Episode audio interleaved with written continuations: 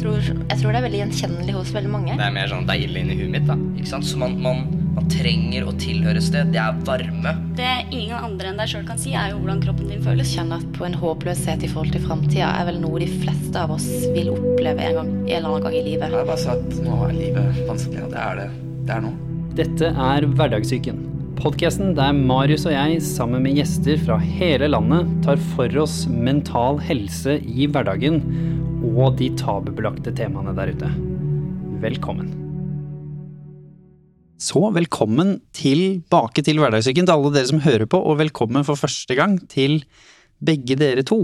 Og før dere skal fortelle hvem dere er, så skal vi rett og slett si at i dag skal vi snakke om mindfulness.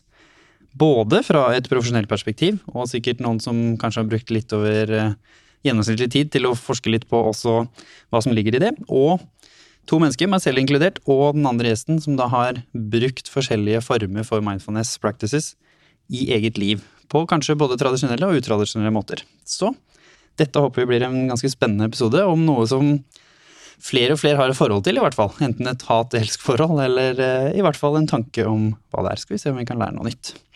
Så, hvem er vi fagsiden, men det er ikke det. En eh, fagperson med innsikt. Hvem i all verden er du? Jeg heter Karina Carl. Jeg er, eh, jobber som psykolog, jobber klinisk, har min egen lille virksomhet. eh, Hvor jeg annet jobber med individuell terapi, altså én-til-én. Jobber med lederveiledning og trening, og eh, jobber også ut mot bedrifter og virksomheter hva angår kurs, eh, grupper, foredrag. eh, Og gjør egentlig alt det som jeg opplever som meningsfullt, og som går inn under det å gjøre kunnskap om psykologi tilgjengelig. Og så, på min venstre flanke, som eh, gjesten vår som fint sa i går når vi hadde vi spilte inn en episode om kjærlighetssorg, så sa han at han snakka for folket. fordi da var det også en, eh, en fagperson som hadde jobba 40 år, så han følte liksom ikke han kunne trekke på seg at han hadde bachelorgrad i kjærlighetssorg fra, fra eget liv, så han kalte seg en som snakket for folket. Så Victoria, du snakker for folket. Så hvem i all verden eh, er nå du? Ja, det å bli si at man snakker for folket, det Jeg vet ikke om jeg kan ta den, men jeg snakker i hvert fall for meg. Eh, Jeg er Victoria, jeg er 32 år, eh, fra Stavanger. Jeg er litt over gjennomsnittet, vil jeg si, nysgjerrig eh, til livet, som gjør at jeg har reist veldig mye. Eh, Og reist steder som kanskje mange andre ikke ville ha syntes var noe som tiltrakk dem, da, men min nysgjerrighet drar meg dit, da. Så jeg har reist da mye alt fra Sentral-Amerika til Asia, men vest, veldig av store deler av Øst- og Vest-Afrika. Um, og i det, da, så på en måte så har jeg fått med meg kanskje det jeg har lært mest av i livet. Eh, ikke, jeg kan ikke definere meg og si hva jeg, har- hva jeg har studert, eller hva jeg har, eh, hva jeg har jobbet med. Det kan jeg liksom ikke sette at det er meg. Eh, altså først og fremst er jeg en veldig nysgjerrig, følsomt individ eh, som rett og slett er en, altså en livsnyter, ville mange definert meg som. Men hvis jeg ser på den definisjonen eh, på min måte, så er det det som former meg, eller sier, putter meg mest i en boks, da, som jeg er komfortabel med. Ja, og vi må jo puttes i en boks sånn at resten av oss eh, forstår oss, men eh, jeg tror alle vi tre i det rommet her i utgangspunktet egentlig ikke passer inn i noe boks. Så mitt forhold til eh, mindfulness er jo at jeg vokste opp i en familie hvor det som i dag kanskje kalles spiritualisme, var sånn sett ganske åpent, og såpass tidlig. For jeg er altså 33 blitt, så dette var jo når jeg vokste opp allerede. Så var bestemor ganske inn i og nysgjerrig på samme måte som Victoria rundt en del av disse tingene. Selv om hun definerte seg nok selv som kristen, men allikevel var veldig rundt i alt fra lesing av tarotkort til veldig dyp forståelse av horoskop, og nysgjerrighet også da rundt både buddhistiske tradisjoner og for så vidt inn i kanskje mer dao og den kinesiske tradisjonen. da. Som gjorde at jeg ble introdusert, og selv nysgjerrig da, i ting som kanskje jeg ikke hadde blitt eksponert for, hvis ikke det var for det. Og så har jo da mamma, kanskje spesielt, tatt denne parolen videre, hvis vi kan kalle det det. Og så har jo selvfølgelig mindfulness dukket opp i dette her, før jeg egentlig skjønte helt hva det var. Og nå, i dag, så har jo jeg jobbet med dette selv også. Både i de fagtradisjonene som du sikkert skal fortelle mer om, men også i da litt mer sånn erfaringsbasert som eh, Victoria. Men her i Hverdagssyken så syns jo vi det er litt moro å utfordre fagpersoner på hvorfor er de så engasjert i det temaet de stiller opp i. Så hvorfor engasjerer du deg generelt i mindfulness? Det er et utrolig fint og viktig spørsmål, og jeg kjente på det litt når dere introduserte dere selv. At dere bruker, legger merke til at dere bruker ordet nysgjerrighet, og det er jeg så opptatt av selv. Og jeg definerer nok meg selv som et veldig nysgjerrig menneske også. Så jeg har alltid vært over gjennomsnittet opptatt av hva som opptar oss mennesker. Hvordan vi, og hvorfor vi fungerer som vi gjør. Hvordan vi fungerer. Hva som gjør at vi tenker og føler og handler som vi gjør.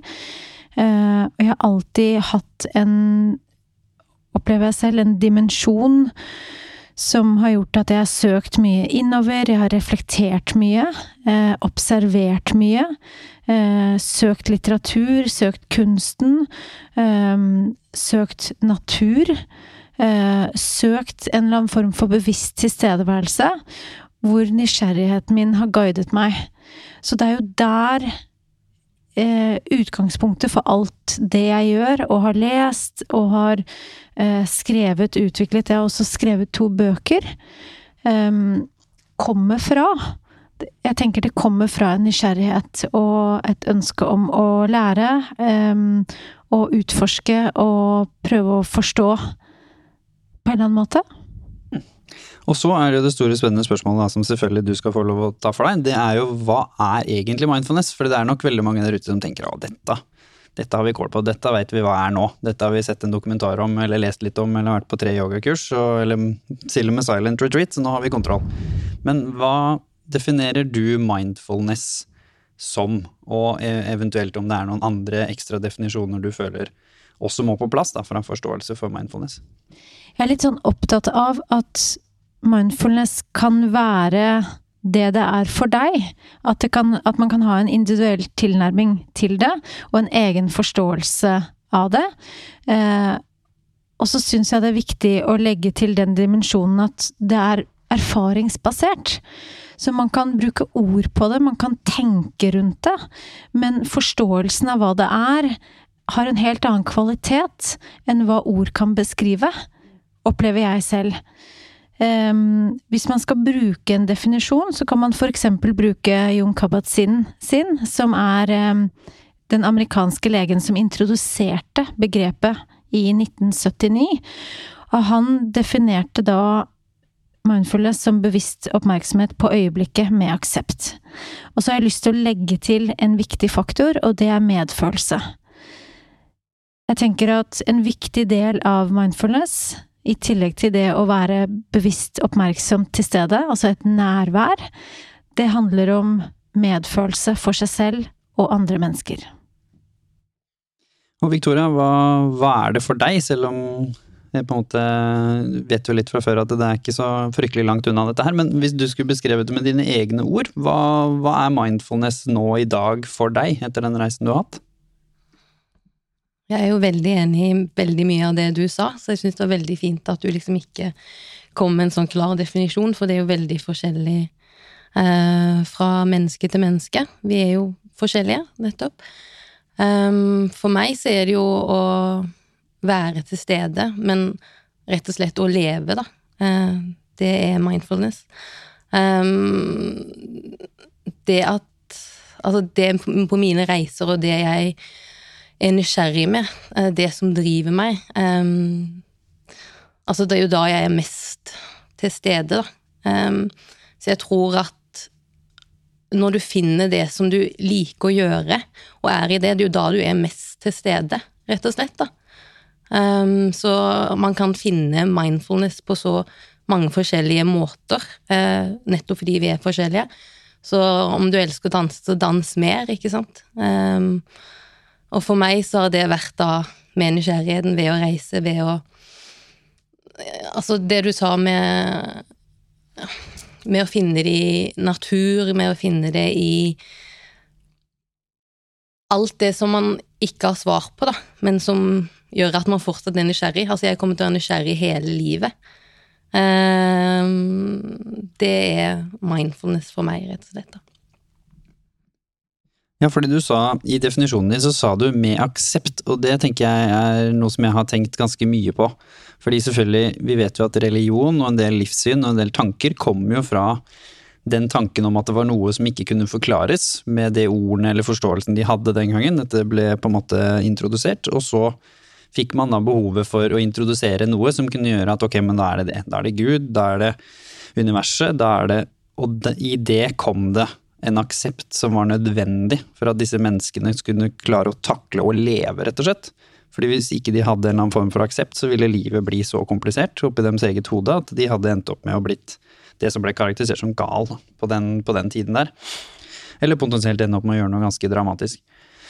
Så det der med å akseptere at det er visse ting vi ikke har kontroll på, som f.eks. man veldig ofte blir møtt med når man f.eks. mister noen, noen blir skada, noe skjer, noe sånn helt ut av det blå, men også veldig positive ting, som f.eks. å treffe noen som du aldri trodde du skulle treffe, eller få hjelp til noe med et prosjekt du står for, eller få tilbud om den jobben som kommer helt ut av det blå. Altså de tingene som du tenker sånn Oi, det der følte jeg ikke nødvendigvis lå der i vente. Og det å klare å akseptere at livet handler om de tingene der, vil jo da automatisk ta deg mer inn i nå. For da skjønner du at ok, det er visse ting jeg kan kontrollere, visse ting jeg kan gjøre noe med. Men først og fremst så handler jo det om nå jeg kan kontrollere hva jeg gjør nå, fordi det er jo det eneste du får gjort noe med. Sånn in the end of the day. Um, Victoria, før vi hopper over til fageksperten litt mer her. Du sa så fint at uh, du er mer til stede når du gjør ting som du trives i. Så kan du beskrive litt hvordan du følte du var før du kanskje forsto det, og hvordan du var etter det? Altså hva, hva er forskjellen på Victoria når hun gjør de tingene som du virkelig brenner for å være til stede i, da, når du reiser f.eks. Og når du kanskje da eksisterer mer i en tilstand hvor du, hvor du må, f.eks. en jobb man bare må for å tjene midler til neste, eller en, en tilstand imellom, da. Eller nå, som covid, hvor man på en måte blir tvunget til å ikke kunne reise, f.eks. Um, ja, eh, veldig bra spørsmål. Um, en Victoria som gjør det hun liker å gjøre. Det er en Victoria som har en veldig ro og en veldig tro på det hun gjør. Um, og da gir man jo mye mer. Da er det ekte.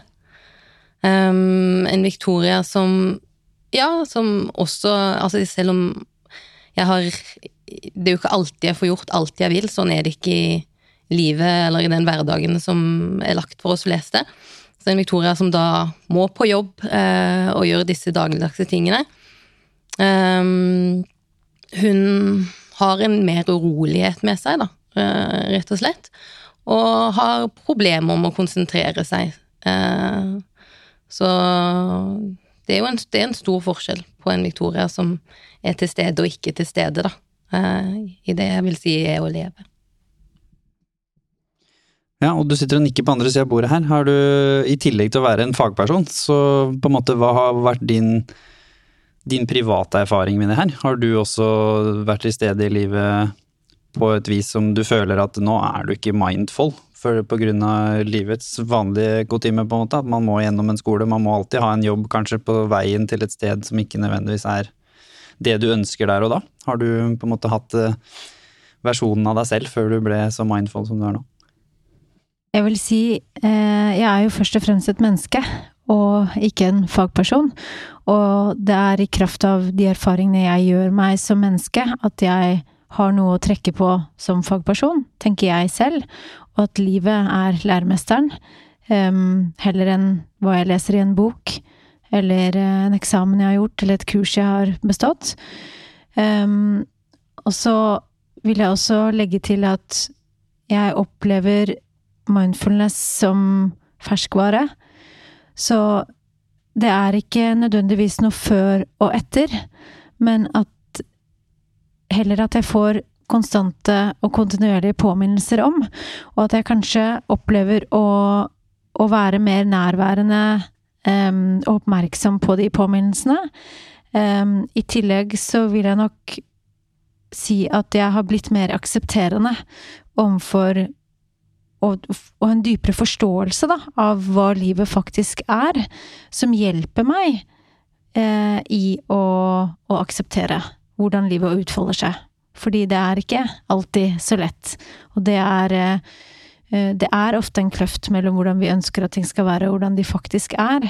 Eh, og der opplever jeg at jeg har kommet et stykke på vei, og så får jeg kontinuerlige påminnelser og, og anledninger til å øve. Jeg har jo i mitt uh, eget liv for så vidt ganske mange ganger i, i hverdagssyken fortalt litt uh, bruddstykker her og der, der hvor det er relevant.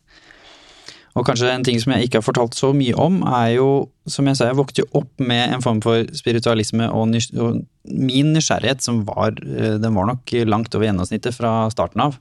Men den ble også tillatt i et samfunn hvor det antagelig ikke var vanlig. Hadde jeg potensielt vokst opp et annet sted med andre folk rundt meg, så hadde nok den blitt lagt mer på en måte grenser på, da. Og i skolesetting selvfølgelig så var dette frustrerende og vanskelig, fordi jeg var jo selvfølgelig da den eleven som stilte spørsmål ved alt. Og alle sannheter og usannheter holdt jeg på å si, som dukket opp eh, av stakkars læreren, fikk jo da spørsmål. Som selvfølgelig var eh, sikkert utfordrende til tider. Men så kom jeg også da videre inn i livet, og, og ting har jo vært vanskelig, som jeg fortalte om eh, mange ganger. Med at eh, som 13-åring så ønsket jeg jo ikke å leve. Og så snudde ting ganske dramatisk, og så ble det veldig mye bedre. Og så ble jo idrett min identitet. Så det var nok det stedet jeg var mindful den gangen. I idrett. Og i møte med andre mennesker hvor jeg kunne være omtenksom og fokusere på å være der for de, da var jeg mindful. Alt annet var jeg bare en zombie som surra rundt og bare gikk fra A til Å, egentlig. Og så kom jeg inn i en del av livet hvor på en måte forskning, på en måte science, historie ble fryktelig viktig for meg. Og så, av en eller annen litt snodig grunn, så skulle jeg dytte alt dette fra meg. All den kunnskapen og forståelsen som jeg egentlig hadde hatt hele tiden som sånn sett sikkert gjorde at jeg klarte å komme meg gjennom den tøffe perioden, sånn når man ser tilbake på det. Og da ble det vanskelig. Da var det plutselig Jimmy som skulle bestemme og styre og kontrollere hva som skjedde. Uansett. Og da til og med på det nivået at det var jeg som bestemte hva som skulle skje også utafor meg selv. Ikke bare hva jeg skulle gjøre og ikke gjøre, det er jo det enkleste, men jeg selvfølgelig skulle bestemme hvilken da er det jo skolevalget, så skulle jeg bestemme hva jeg skulle videre. Jeg skulle bestemme om jeg skulle lykkes som idrettsutøver eller ikke. Selvfølgelig, det var opp til meg. Det var ikke noe, ingen andre ting som kunne påvirke det i min verden. Og da dyttet jeg all spiritualismen vekk fra meg. Alle disse tingene jeg visste jeg hadde. Roen, kraften, altså den unike evnen til å være til stede som gjorde at jeg var god i de tingene som jeg brant for, den forsvant jo. Fordi da var det jo hele tiden enten leve i fremtid eller være frustrert over ting som ikke har gått min vei. Og da begynte jo ting virkelig å skjære seg. Sånn i form av at ja, den rastløsheten da, som Victoria beskrev, kom og ble ekstremt tydelig. Og i tillegg så har jo jeg blitt eh, eh labeled sånn sett eh, som, som en med ADHD. Eh, og, og, selvfølgelig, det er jo en urohet i den på en måte labelen i seg selv. Men da ble det ekstremt tydelig. Da, da, var jo jeg overalt og ingen plass, og ting bytta veldig fort. Og jeg gjorde ting Da var det liksom Først så var det marinejegeropptak, så var det en minedykkeropptak, så var jeg kystvakta, og så plutselig så studerte jeg shipping her i Oslo. Og så vips, så jobba jeg med en deltidsjobb med noe annet, og etter bare ett år så var jeg plutselig inne i fulltidsjobb. Altså ting bare virkelig herja på, og jeg så ut som en passasjer av livet, basically. Jeg visste ikke hvor jeg var på vei tror jeg, inn i mitt eget hode. Og så kom jo det da plutselig igjen gjennom idretten en mulighet til å være trener for et ungdomslag i Oslo, som gjorde at eh, min passion for idrett, selv om da idrettsutøverdrømmen hadde fått et par eh, tøffe smeller med kyssesyken og skader, så fikk jeg nå gjenoppleve det gjennom de, for dette var på toppnivå. Og vi ble altså, blant de absolutt beste lagene i Norge. Vi vant Englands største cup. Altså, plutselig så fikk jeg gjenoppleve det igjen. Og så kom reisingen, som har vært der helt siden jeg var liten. Og da begynte det å bli spennende, fordi der merka jeg hva det var å være til stede igjen. Og det hadde nok ikke jeg gjort på mange år. Første gangen jeg reiste til Den gangen så reiste jeg og besøke fadderbarnet mitt i Zambia. Eh, og bare hvordan jeg var da, kontra hvordan jeg var på jobb. Og på jobb var jo jeg ansett som et supertalent, og i lille bygda jeg kom fra, var jo jeg plutselig nå en folk så opp til, som hadde vært et tidligere mobbeoffer. Altså livet mitt var snudd opp ned. Familien min liksom plutselig begynte å se på meg som en som kunne være med og på en måte forsørge, og en de var stolt av. Ikke at de ikke var det før, men på grunn av ting da som var viktig for samfunnet, da.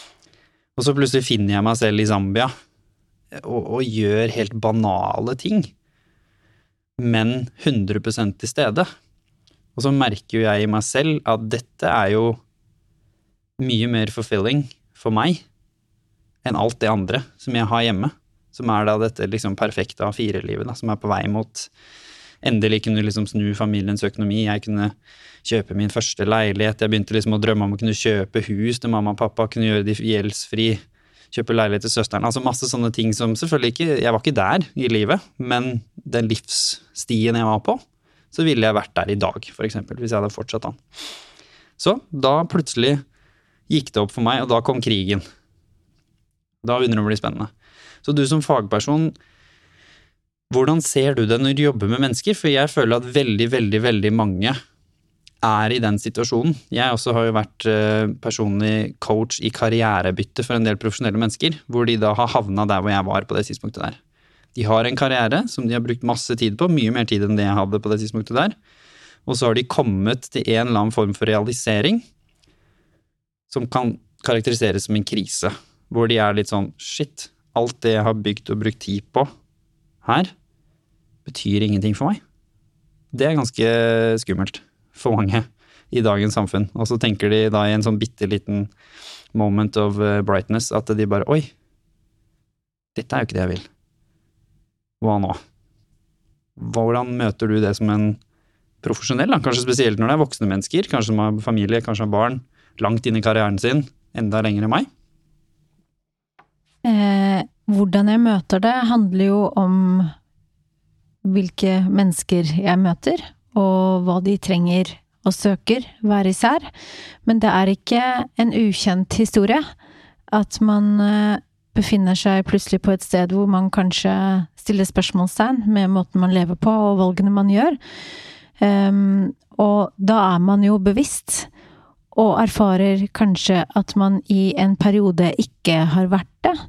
Og da kan vi trekke inn eh, begreper som stress, eh, som kan gjøre at vi går på autopilot, og vi bare gjør det som kreves eller forventes, det som står i kalenderen at vi skal, men uten å stille spørsmål ved hvorfor.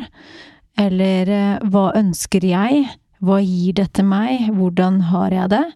Um, på hvilken måte ønsker jeg å være til stede i livet? Hva betyr egentlig mest for meg? Og dette er nok også emner som, som opptar meg personlig veldig mye eh, som går på mening og verdier, som er helt grunnleggende for oss mennesker. Og mindfulness blir jo da et redskap, eh, en måte å komme i kontakt med det som faktisk nærer, det som faktisk gir, det som betyr. Det blir en måte å bli bevisst, så vi kan respondere på livet på en konstruktiv måte, heller enn å reagere på automatikk.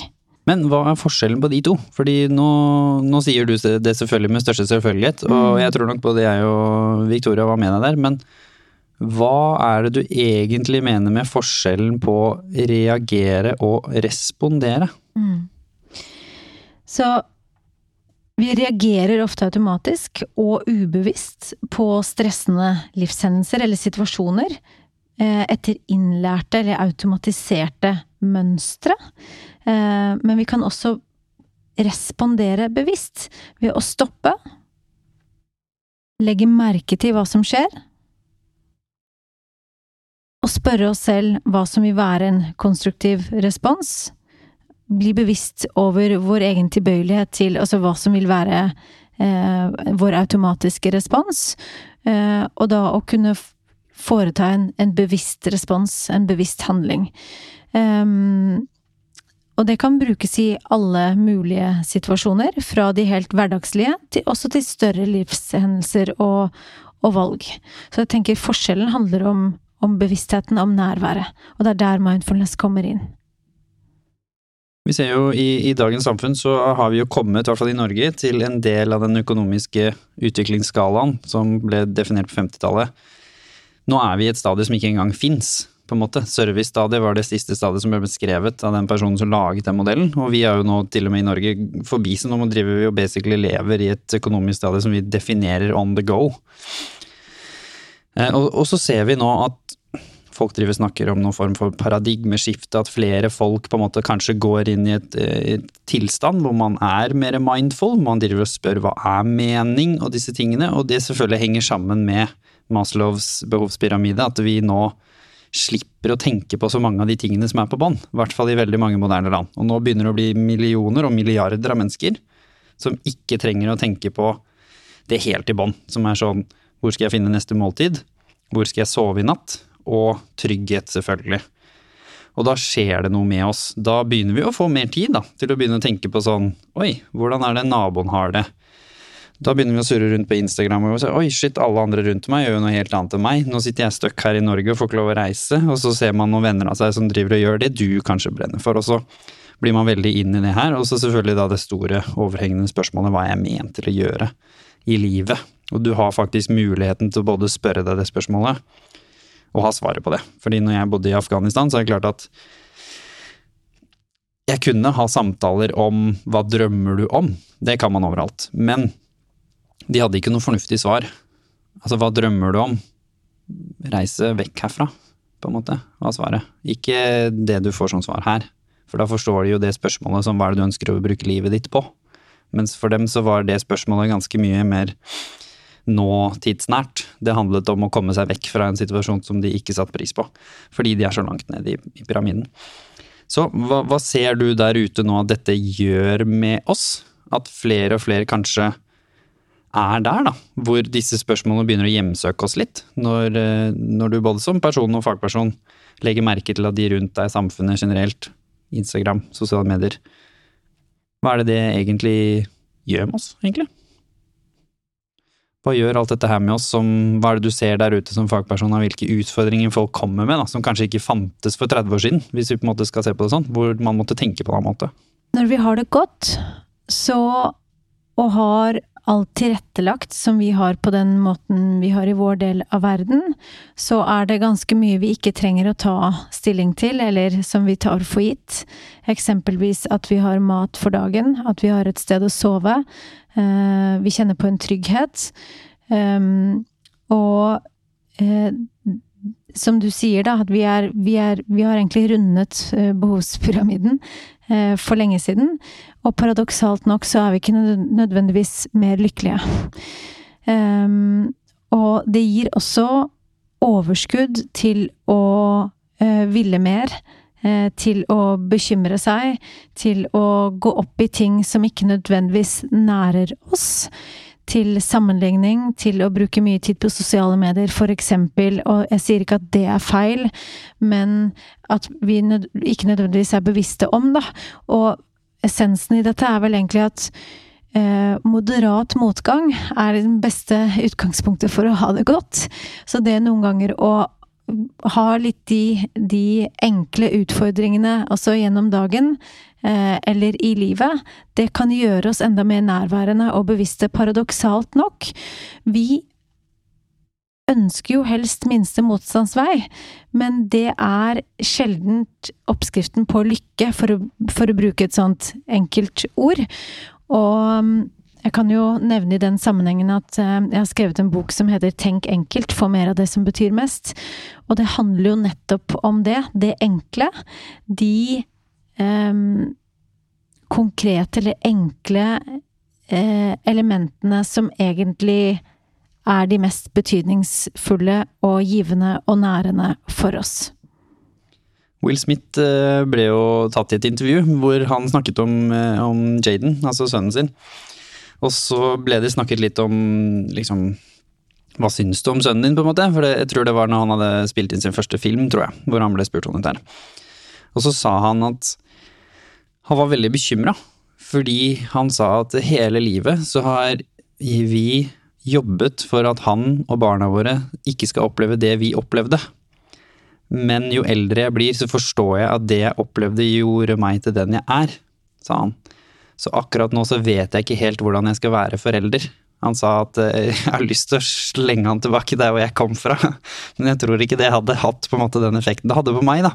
Sa han, så jeg føler liksom jeg er i en sånn Jeg vet ikke hva jeg skal gjøre. Skal jeg nå prøve å slenge masse utfordringer til han? Skal jeg slutte å hjelpe han? Er det det som er løsningen? Fordi igjen, vi har kommet til et sted hvor det ikke finnes et svar. Det er ikke en modell, det er ikke noen tanke som er sånn 1, 2, 3, hvordan leve i 2020, fordi vi har kommet så langt. At det kan hende at vi har rota oss bort på veien. Hva, hva tenker du om det som, som fagperson? Fordi det er det samme i Norge. Alle våre foreldre har jo laget en sti nå, sånn at vi skal ha alle muligheter i hele verden og det letteste livet. Fordi de trodde at det var det som var bra. Jeg håper at det er en økt bevissthet rundt det. Eh, jeg håper også at eh, den måten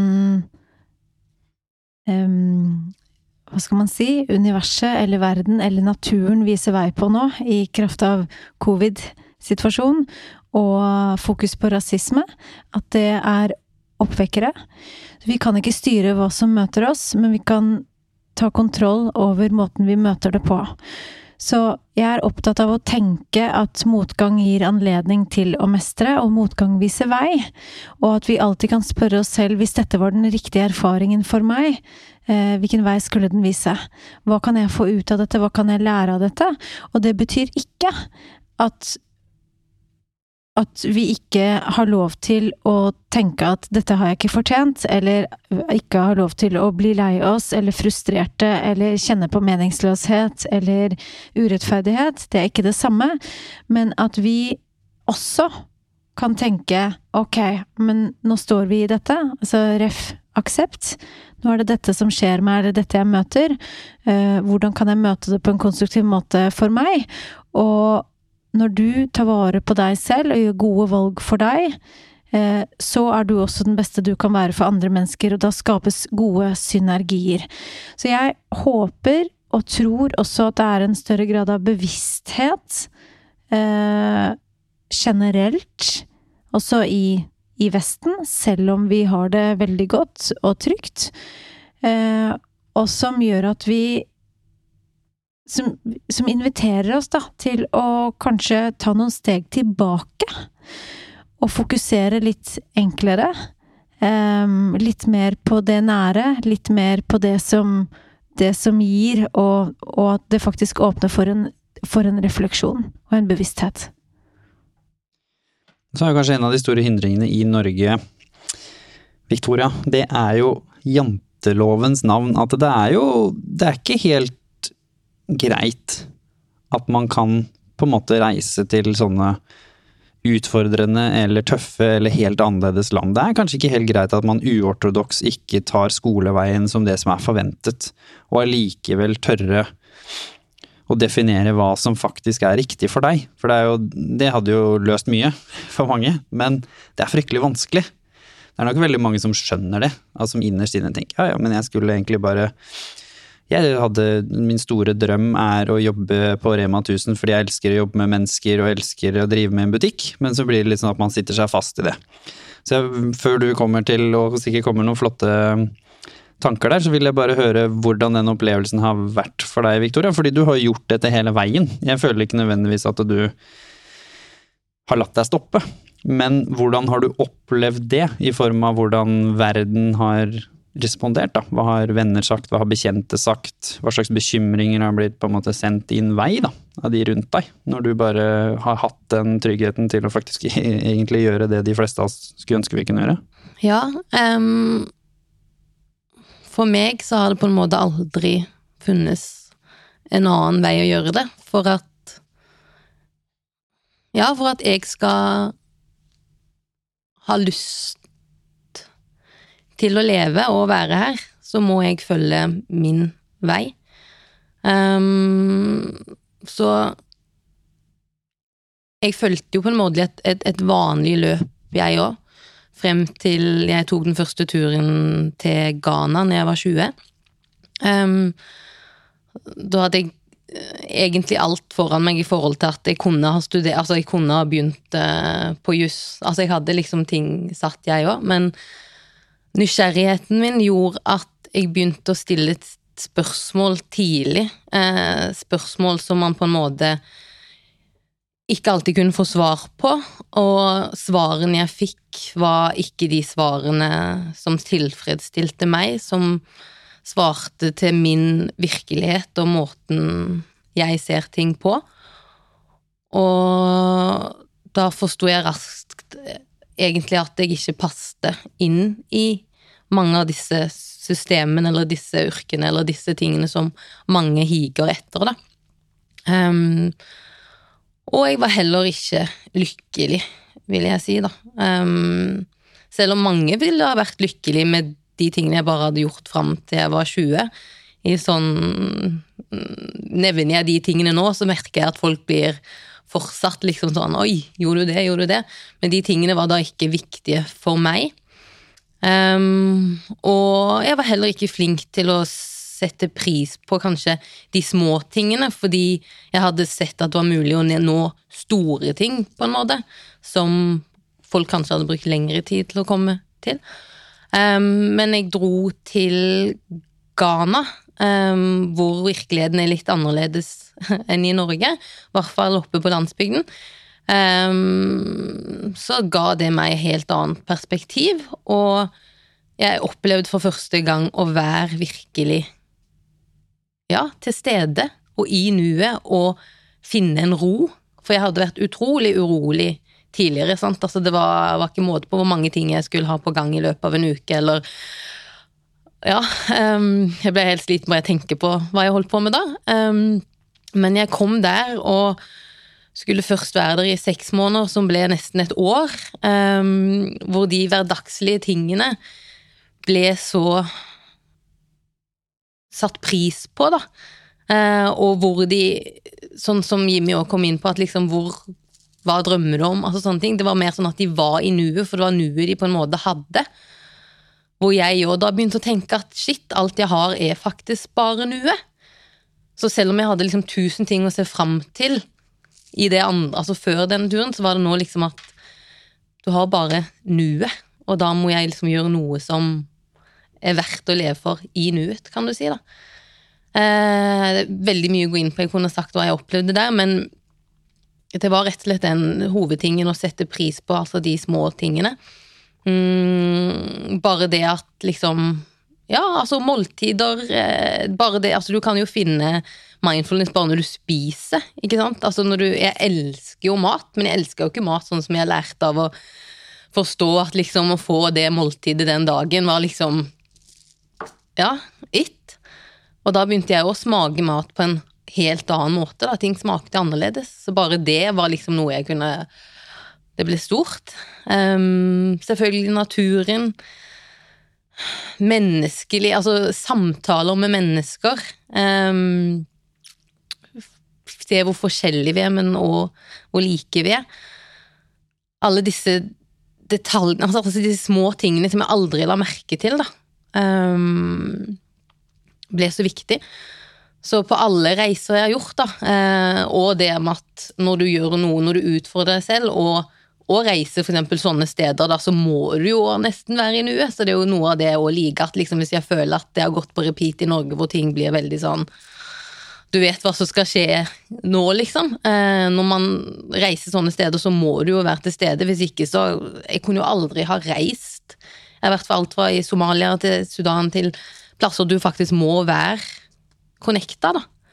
Eh, så nå nå bare hoppe fram til der som jeg er nå i Norge, når du nevner liksom det at jeg ikke kan reise, og, det, og da den rastløsheten kommer, og da den Nei, det gjør Altså, nå ser jeg faktisk alt jeg har lært da, av alt det jeg har gjort opp igjennom. Det er nå jeg liksom ser at hvis jeg ikke hadde hatt den altså den roen som jeg fikk der nede, da, så hadde jeg jo gått på veggen her nå i disse tider.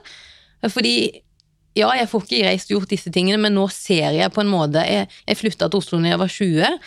Eh, altså Rett før jeg dro til Ghana, så bodde jeg i Oslo en liten periode. og Jeg husker bare hvordan jeg opplevde det da i forhold til nå. Det har gått ti år, så selvfølgelig på alder òg, men Gud, det er jo så mye Altså, Oslo òg er helt fantastisk. Skjønner du? Altså, jeg, jeg er bare på vei ned hit i dag, da. Um, så eh, det ga meg så mye. Altså, jeg ser liksom så mange Om det kan være mennesker jeg observerer, til naturen, til, eh, til bare alt som skjer rundt, da. Som, så hvis noe skjedde meg i dag, så hadde jeg liksom kunnet sagt at Uansett om det var ikke sånne store hendelser som folk ville ha liksom higa etter, så hadde jeg vært happy, liksom. Ja. Nå ble det veldig mye forskjellig, men eh, Nei, men det er kjempefint. Og det som er litt morsomt, er at eh, Victoria og jeg fant jo ut at altså, Ghana er et eh, Det er ikke verdens største land, men eh, det er ikke verdens minste land heller. Så det er ikke så fryktelig mange fra Norge som har vært i Nord-Ghana, som ikke har familie der, eller som har en eller annen connection. Og det har jo verken Victoria eller jeg, så vi har faktisk nesten vært på samme sted. Og hatt ganske lik opplevelse, selv om Victoria var der ganske mye lenger enn meg. Men jeg altså bodde der i en måned. Og det var midt oppi der hvor jeg slapp historien i stad. Det var etter den første turen. Kom tilbake, så hadde jeg en ny tur. Kom tilbake igjen til Norge og fikk disse kontrastene. Og hadde liksom, nå begynte hjernen min å skjønne at det er ikke nok sånn jeg vil ha det, men jeg var ikke klar til å bryte ut ennå. Og så dro jeg tilbake til, til, til afrikanske kontinent, og denne gangen til Ghana. Som er jo selvfølgelig veldig annerledes igjen enn Zambia, Mosambik og Sør-Afrika, som jeg var første gang. Og bli boende der med lokalbefolkningen i nord, på samme sted som Victoria. Og for første gang i mitt liv, selv om jeg kommer fra bygda, gjorde noe sånt som å gå fysisk og plukke bønner. Som, to be fair, oppi hodet mitt jeg ikke engang egentlig helt visste hvor kom fra. På den måten som vi spiser det i Norge. Og fant bønner i farger som bare bare tenker, men Det her kan jo ikke være ekte. Det her må jo noe, må ha malt i. Dette må være tull. Inni da en grønn plante i en tørr, støvbelagt flekk i Nord-Ghana. Og så tar du det med tilbake, og så selvfølgelig koker du de på kvelden, og så spiser du de da med to ferske tomater, litt salt. Og så er det en av de beste måltidene jeg har smakt i mitt liv, enn da jeg har spist på noen av de beste restaurantene i verden. Og så plutselig forstår du at det handler jo ikke om ingrediensene eller nødvendigvis maten, det handler jo også om til hvor stedet jeg er i det måltidet. Fordi når jeg spiste på en av de beste restaurantene i verden, så var jeg jo ikke til stede på samme måten. Jeg satte ikke pris på det på samme måten. Og det samme, det kanskje det absolutt beste matopplevelsen jeg har hatt i mitt liv, var i Nepal. Og vi var med, og jeg så kokken plukka urtene i hagen midt oppe i ingenmannsland. Og putta dem oppi og lagde stekte poteter. Det, sånn, det blir jo ikke mer kjedelig enn egentlig. Og det smakte helt magisk. Og bare det å få lov å være der, legge telefonen mitt sted, var ikke, var jo ikke dekninga likevel, så den trengte jeg jo ikke. Så ga det meg da samme forståelsen av ikke takknemlighet, for det har jeg nok hatt hele tiden, men forståelsen av viktigheten av nå, når jeg kom tilbake etter det. Og så sakte, men sikkert så endte jo jeg også opp med å, å slutte i, i, shipping. Men det var nok de reisene der som ga meg den roen og forståelsen, og evnen, når jeg vil, ikke hele tiden, men evnen til å faktisk sette pris på helt banale ting. Som f.eks. bare den samtalen her, og det at jeg får lov å være programleder i Hverdagssyken, som jeg syns er fryktelig gøy. For jeg er veldig, veldig nysgjerrig. Så alle mennesker jeg har med meg, lærer jeg noe nytt av. Så føler jo jeg at det er jo en gave, på en måte. Hvor andre, mange mennesker får lov å drive og sitte og snakke med og pirke opp i huet til andre mennesker hele dagen. På den måten her. Så um, ja, la oss da på slutten her nå snakke litt om konkrete uh, verktøy som man kan bruke. Og også at de nødvendigvis da ikke alltid har det samme, samme navnet. Så hvis du begynner å ta oss gjennom litt sånne verktøy du har uh, lært gjennom, så kan, så kan jeg og Victoria kanskje dele litt av de tingene, uansett hva vi har kalt det og ikke kalt det, som har fungert for oss, da. Som vi sitter igjen med nå. Ja, og så har jeg lyst til å si, som vi har snakket om, altså i forlengelse av det vi har snakket om, å, å vite hva som er ens mening, og hva vi skal i livet, at det kan bli veldig store spørsmål. Og jeg har lyst til å legge til ett ord, og det er nå. Hva søker jeg nå?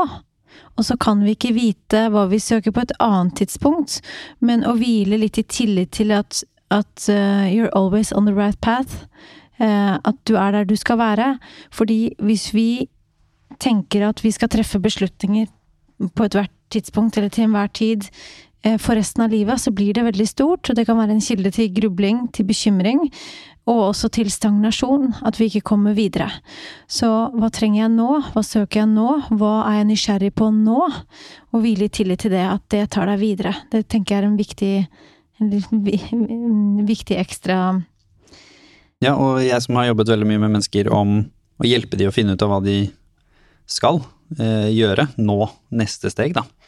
Så er vel kanskje en av de viktigste tingene jeg har lært, er istedenfor å spørre deg selv hva skal du gjøre nå, eller hva skal du gjøre i livet, eller hva du drømmer du om, som er mer sånn tradisjonelle spørsmål for å ha noe å strekke seg etter, så har jeg fokusert veldig mye på hva brenner du for, og hva har du alltid vært god på av ferdigheter, og så tar vi det enda et steg tilbake, for det er mye lettere å forholde seg til, fordi de fleste vet hva de brenner virkelig for.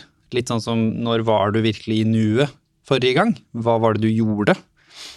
Og selvfølgelig da prøve å break it down til noe mer konkrete ferdigheter hvis vi snakker om skolevalg eller karrierevalg, da, hvor det da handler om ok, du har de ferdighetene, og så er jo min jobb da å fortelle ok, hvilke bransjer tror jeg disse ferdighetene hadde vært nyttig? I hvilken bransje hadde disse ferdighetene blitt satt pris på? Og så breaker vi det ned enda mer i hvilken yrke eller posisjon i det firmaet eller den sektoren hadde akkurat disse ferdighetene antagelig blitt sett på som en competitive advantage, eller en fordel. Da begynner vi å nærme oss. Da begynner det å bli mer spennende. Og så ser du jo med en gang om den personen får en eller annen form for passion rundt det vi snakker om nå. Da. Og folk blir jo ofte veldig gira, så det er på en måte litt min, min gave. Men det der å heller stille seg det spørsmålet som du sier, hva vil man nå? Break it down. Og legge på hva brenner jeg for? Når var jeg sist i nuet? Og hva er jeg egentlig god på?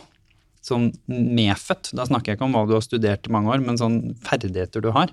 Og det finnes en hel haug med gode ferdighetstester der ute som kan teste deg det her, da. Via Strength Finder er jo gratis. Gallup har en annen velkjent en.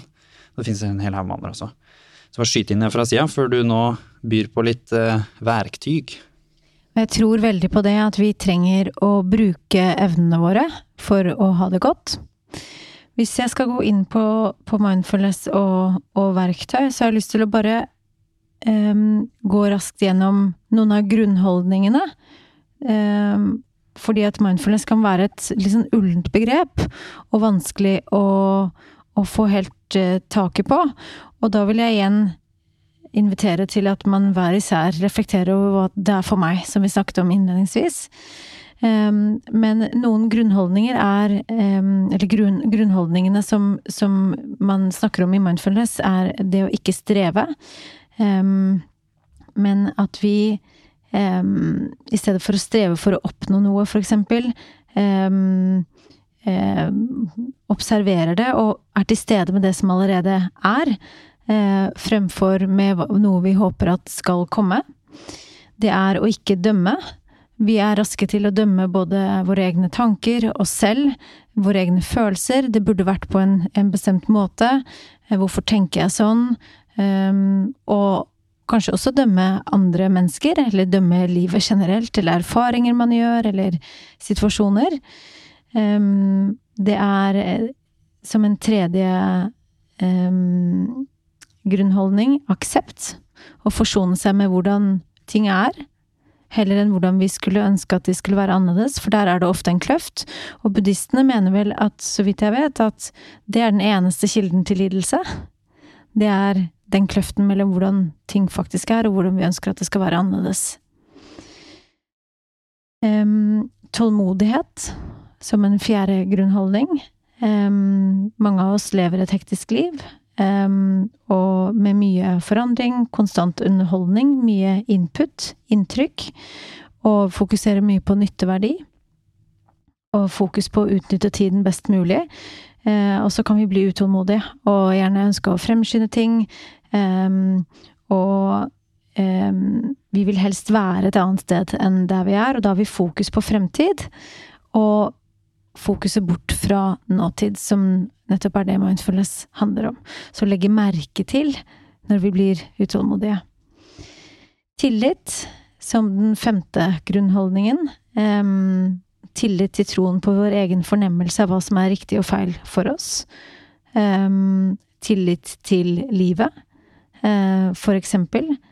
Um, og gjennom mindfulness-trening, så kan vi ta autoriteten hjem til oss selv og, og dyrke en, en annen kvalitet av tillit til oss selv, og til verden, og til livet.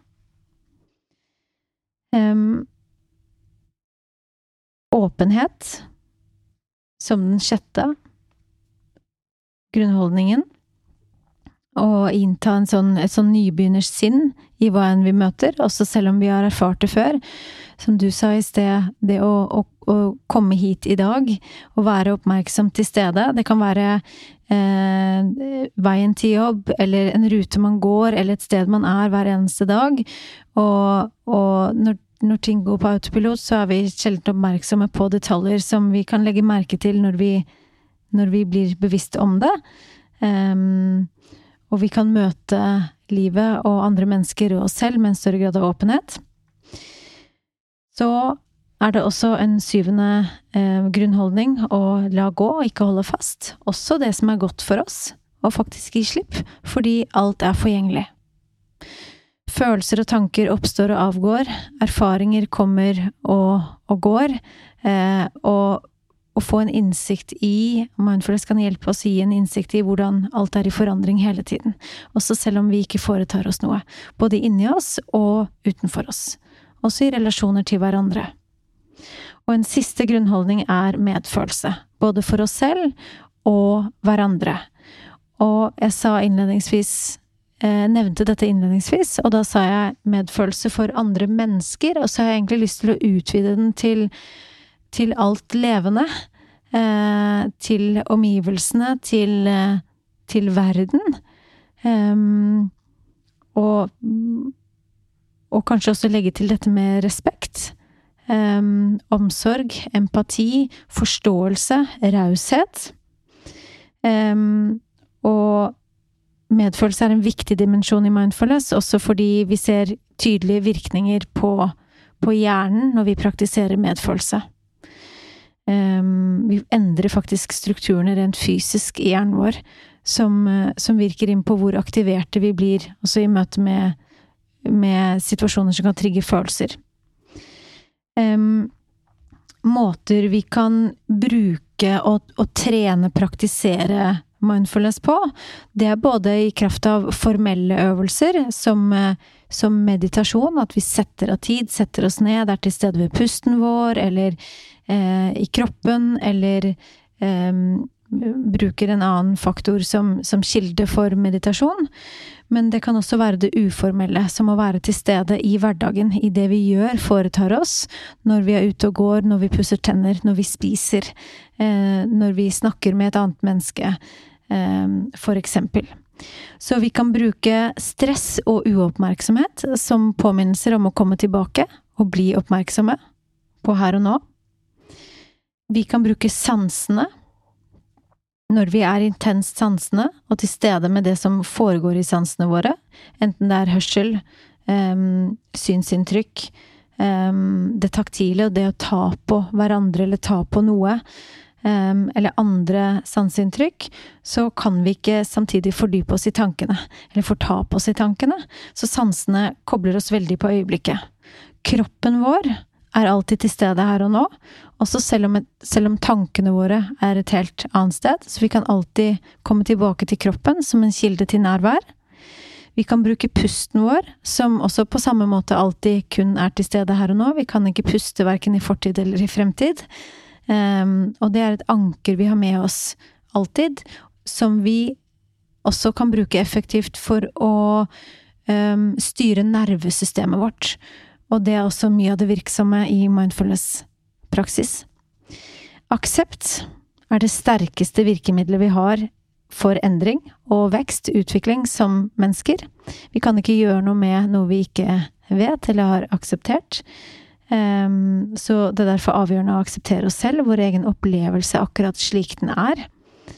Um, og Dersom vi kan observere tanker og følelser med en vennlig aksept, uten automatisk å reagere på de, så kan vi også gradvis frigjøre oss fra de automatiske tankene og følelsene, som ofte lurer oss inn i bekymring for fremtid eller dveling over fortid. Og en siste siste Et siste stikkord, da, når det kommer til trening, eller når det kommer til hjelpemidler i mindfulness-trening, det er nettopp treningen. At eh, for å lære nye ferdigheter og vaner, så trenger vi regelmessig øvelse. Det som er litt spennende med aksept, det er jo at dette er jo veldig vanlig når man snakker om å ha en utfordring. Altså blant annet avhengighet, så er jo dette anerkjent. Steg én. Du må anerkjenne at du er avhengig for å kunne gjøre noe med det.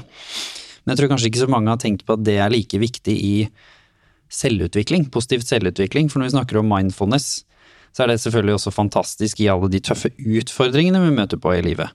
Men her snakker vi jo først og fremst om å ta livet ditt fra noe som er bra, noe som er akseptert, noe som til og med kanskje i samfunnets øyne er bedre enn det du ønsker for deg selv, til det du ønsker for deg selv. Fordi det er der på en måte lykke Eh, i deg selv, som vi alle driver og prøver å spore opp, kanskje ligger. I hvert fall mer enn i det samfunnet og de andre rundt deg vil ha. Så det er også litt spennende å tenke på at det er like viktig, som du sier, i alle deler av livet. Fordi hvis du ikke anerkjenner og aksepterer hvor du er nå, så kan du jo heller ikke begynne å gå. For da er det jo som på en måte å gå i blinde og leite etter en dør som du ikke veit hvor er. Det kommer til å ta unødvendig lang tid. På mange måter så kan vi også si at mindfulness omtrent er lykke, for å bruke det ordet. Både fordi at forskning på mindfulness eh, og tilstedeværelse viser at vi rapporterer, vi mennesker, å ha det mye bedre, og, og en økt grad av tilfredshet når vi er til stede i øyeblikket. Og så blir det et verktøy for å la øyeblikket her og nå og nærværet med det øyeblikket få lov til å utfolde seg, som kan endre hele måten vi oppfatter dette øyeblikket på. Også en motgang. Også en vond og vanskelig følelse, eller en krevende og belastende situasjon. Og bare det å faktisk gjøre det beste ut av ting, da, for å måte, bruke et praktisk eksempel også, for mange der ute som, som, jobber med manifestering og som jobber med å få til ting, da, som kanskje jobber hardt for noe på, på jobben, på prosjektet ditt, på engasjementet ditt, i privatlivet ditt, i relasjoner. Vi snakket jo om det i kjærlighetsårsepisoden også. I dagens datingverden så er det jo vanlig, virker det som, for veldig mange å, å date og, og, holde på med, med, flere fordi man sitter på et kort, og fordi man ikke fullt investerer seg. Det samme med jobben. Du søker Når sist søkte du én jobb? Sant? Du søker jo gjerne ti når du er i leting av jobb, f.eks. Samme med skole. Du har alltid et andre- og tredjevalg. Det er veldig få jeg kjenner som bare går all in på førstevalget sitt. Og så er man kanskje ikke fullt til stede i det, eller du er på et event, som er kanskje den klassiske networking-tingen som jeg lærer bort til unge, da. Hvor du er på et event, og så har du på forhånd bestemt deg for hvem du skal snakke med. Det er en av speakersene, for eksempel. En eller annen stor kar eller stor kvinne som skal stå på scenen hvor du tenker hun eller han må jeg snakke med, fordi kanskje de kan skaffe meg en intern jobb, eller hva det nå skal være. Og så er du ikke til stede. Og så sitter du kanskje ved siden av noen som på ingen måte nødvendigvis i hierarkiet er der hvor den som står på scenen som du på død og liv skulle snakke med, er. Men den som sitter ved siden av deg, er kanskje den som kan gi deg den muligheten. Og jeg vet ikke hvor mange ganger jeg har opplevd det. Og hvor jeg har vært nysgjerrig, og hvor jeg har vært meg. Og bare sagt til den personen ved siden av meg, bare fordi de sitter ved siden av meg, så liksom sånn Hei, hvem er du, liksom? Nå gleder vi oss til eventet her, og liksom, hvorfor er du her? Altså, hva er det du vil med det eventet her? Det er sånn typisk spørsmål jeg kan finne på. Og så plutselig så sier den personen et eller annet, for jeg blir nesten litt sånn du tuller nå? Altså sånn, Hvordan satt jeg meg ved siden av deg? Jeg var på Arendalsuka i fjor. Satt på et event. Hvor jeg var litt sånn Ja, hadde noen tanker om hvem jeg skulle snakke med, da. Som, som sto på scenen. Og så begynte jeg å snakke med hun, og så viste det seg at de jobbet på et sykehus med hvor de hadde brukt The Human Aspect sine intervjuer aktivt som en del av fagarbeidet deres, på eget initiativ. Og det var det vi akkurat var i prosess med å utvikle hos oss. Så det å få tak i noen som har brukererfaring på det, det var jo som en gave fra Åpen. Hvis ikke jeg hadde spurt hun dama med hva hun driver med, så hadde ikke hun spurt meg hva jeg driver med. Og selvfølgelig med en gang jeg sa hva jeg drev med, så ble hun så helt satt ut. Hun bare 'er du den som har Du tuller med meg nå?' Og så hadde vi en lang, spennende samtale, og selvfølgelig utvekslet detaljer. Det hadde ikke kommet hvis ikke jeg var til stede, og hvis jeg fortsetter med min plan. Og Derfor tenker jeg at det er utrolig viktig, og, og det er et veldig sånn praktisk eksempel på hvorfor det er viktig å være til stede. Fordi da gir du mer av deg selv i en samtale, om det er med en venn, eller om det er hvem nå enn det er med. I dagens verden, la telefonen være hvis du møter en god venn, eller hvis du møter et familiemedlem, eller hva det skal være. For da får du i hvert fall gitt dem alt det du har, da. Så kan du heller, hvis du hvis den personen går på do, da, eller hva det nå skal være, og det, er, og det er kanskje viktig da, i jobben din eller relasjonen din, at du også følger litt med på telefonen, så tar du det da. Eller du til og med sier du, nå trenger jeg fem minutter til å bare sjekke at ikke hele jobben min har brent ned i mellomtida her, på en måte, mens jeg sitter og prater med deg. For det er faktisk bedre enn å være halvveis til stede der. Og sånn hadde jeg det shippingjobben, for det var jo 24-7 på vakt. Så jeg fikk ikke lov å skru av telefonen, sto i kontrakten. Selv på julaften og gudene veit når det var, midt på natta alt. Og jeg ble holdt på å bli gæren. Altså sånn fordi jeg var ikke til stede. Familiemedlemmer, venner, bekjente la merke til det, og satt mindre pris på meg fordi jeg ikke var til stede. Uten at jeg egentlig var så mye på telefonen, men bare fordi jeg visste inni hodet at å ja, blinker det på telefonen, så må jeg følge meg i sted. Hele tiden tittet på den midt i en samtale. Og da får du mindre verdi, da, og du trives mindre i det øyeblikket, og så får du mindre ut av det. Men før vi slipper deg av sted, som jeg vet skal løpe videre, holdt jeg på å si, så Victoria, hvis du skal dele én ting da, som du bruker nå, som du aktivt kanskje tenker er viktig for deg i, i dag, som du tenker andre kanskje kunne hatt godt av å tenke på. Hva er det du bruker mest av mindfulness i livet akkurat nå? Jeg vil først og fremst si at det du sa om at mindfulness er lykke, det syns jeg var veldig fint. Det er det mest passende som jeg har Jeg tror det er veldig viktig at um, Spesielt i dag, da, at man, som dere har snakket mye om, at man ja, finner det som som gjør at en har lyst til å være, rett og slett. da. At man gjør mer av det, eh, for da kommer alt annet naturlig. Og at, at det er liksom på veien ting skjer, ikke sant. Det må være nysgjerrig, som Mimi sier, at det er da, det er da liksom ting virkelig skjer. Um, og at det med at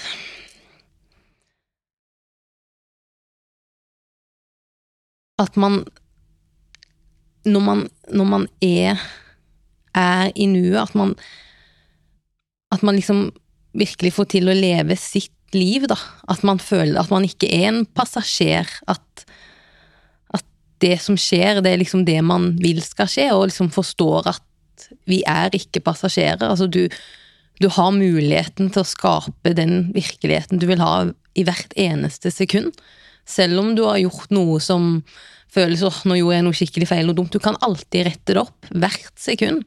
Altså hvert sekund er en mulighet til å gå den retningen. Uansett. Um, og at Ja, altså Det er ditt liv.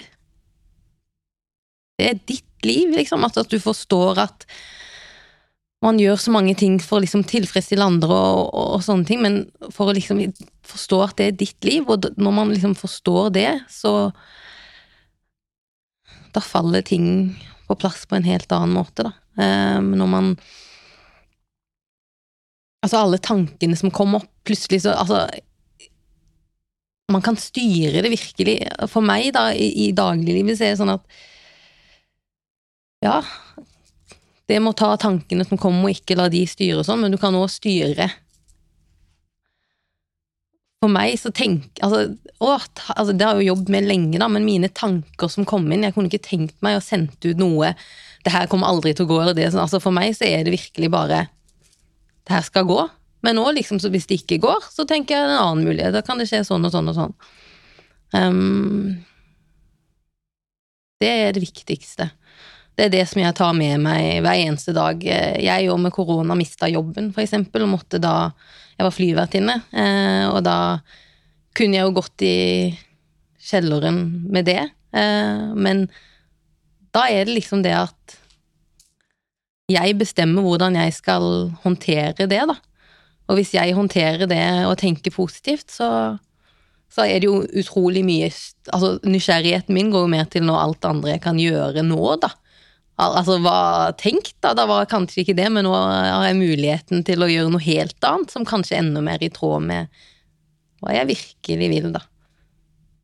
Så Nei, ta eier. Altså rett og slett forstå at det er ditt liv. Eh, rett og slett. Og du kan endre det hvert sekund. Og det er aldri for sent.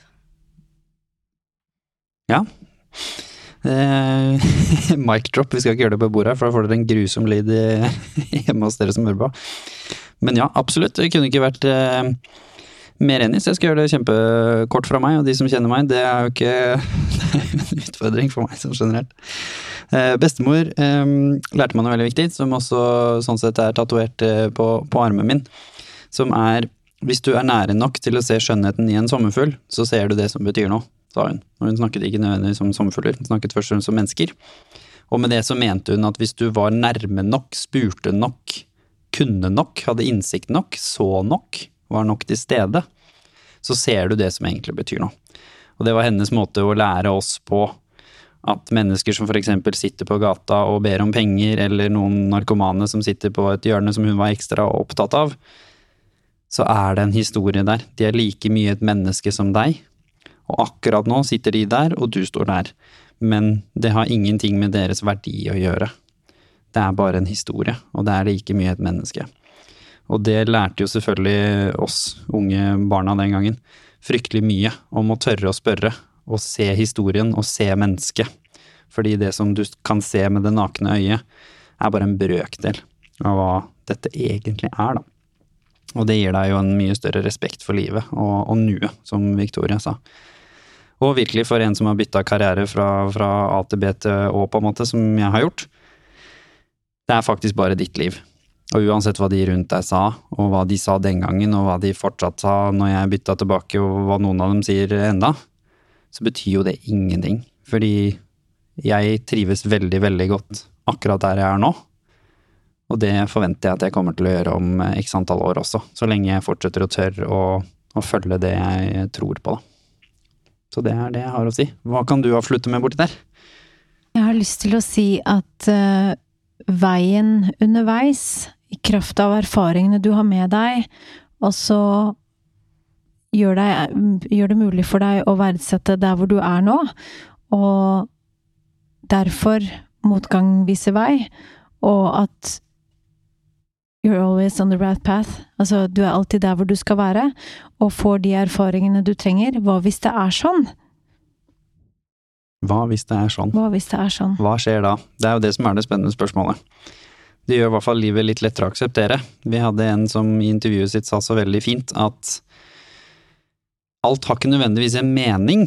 For det er eksempel litt vanskelig å si til noen som har mista barnet sitt, fordi den, den tror jeg vi bare la være død, på en måte, når, når det har skjedd.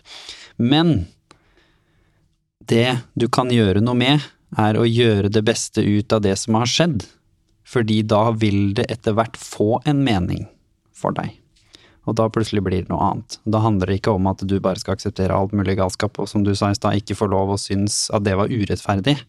Men mer heller det at du får jo ikke endret det uansett. Så det da å akseptere at det har skjedd, og heller lete i det grusomme etter noe du kan ta med deg som lærdom, vil jo gjøre at du i hvert fall kommer ut av den situasjonen med noe du ikke hadde. Og da plutselig får det verdi, og da begynner det å bli litt mer spennende å leve. Så tusen, tusen hjertelig til begge dere to for at dere kom. Takk til dere som var her. Takk til dere som hører på, selvfølgelig. Og eh, tusen takk for at dere fortsetter å sende inn hva dere brenner for, hva dere vil vi skal snakke om, og ikke minst eh, tips til gjester. Og fortsett å dele disse episodene, fordi dere vet aldri hvem i deres krets som trenger å høre akkurat det her. Selvfølgelig bøker. Sjekk ut hvilke bøker skal de sjekke ut som du har skrevet. Hverdagssyk, hvorfor har jeg det sånn?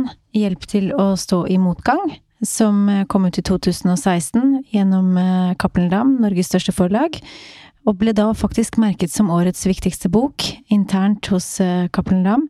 Og det er en, en, grunnbok på en måte i psykologi, altså vi har skrevet den sammen med Rebekka Egeland, som også er psykolog og lederutvikler, og tar for seg alt det du trenger å vite om psykologi, og en helhetlig tilgang til god psykisk helse, blant annet mindfulness. Vi har også spilt inn noen lydfiler, og har noen videoer som er knyttet til, og den finnes også på lydbok. Det er knall for folk med ADHD som meg. Det setter jeg veldig pris på. Og i, eh, i tillegg så har jeg skrevet en bok eh, alene, som kom i 2018, også gjennom Cappelen Dam, som heter Tenk enkelt, få mer av det som betyr mest. Og det er en, eh, en bok som tar for seg mening, verdier, valg, fordi vi i vår tid står overfor så mange valgmuligheter som, som kan spenne mer ben enn å faktisk gi næring mindre vi vet hvordan vi skal møte det.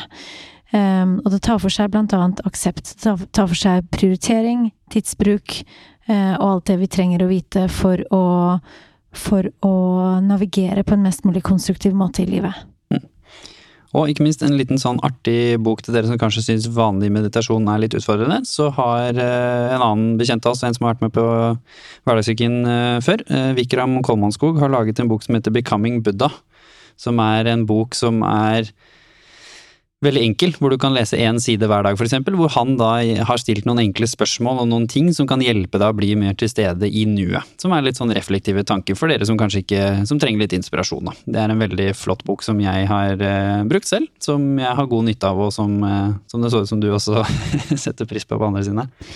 Ja, jeg um, um, Jeg har også noen gratis lydfyller som ligger tilgjengelig på min nettside, karinakarl.no, som, eh, som, er mindfulness-meditasjon. Som både gir en intro, eh, og det er en sittende meditasjon, det er en kroppsskanning, og det er en loving kindness som går direkte på å praktisere empati, medfølelse. Så her er det masse muligheter, både for lommeboka og for eh, gratis. Så det er bare å sjekke ut. Tusen hjertelig. Ha en strålende tilstedeværende dag.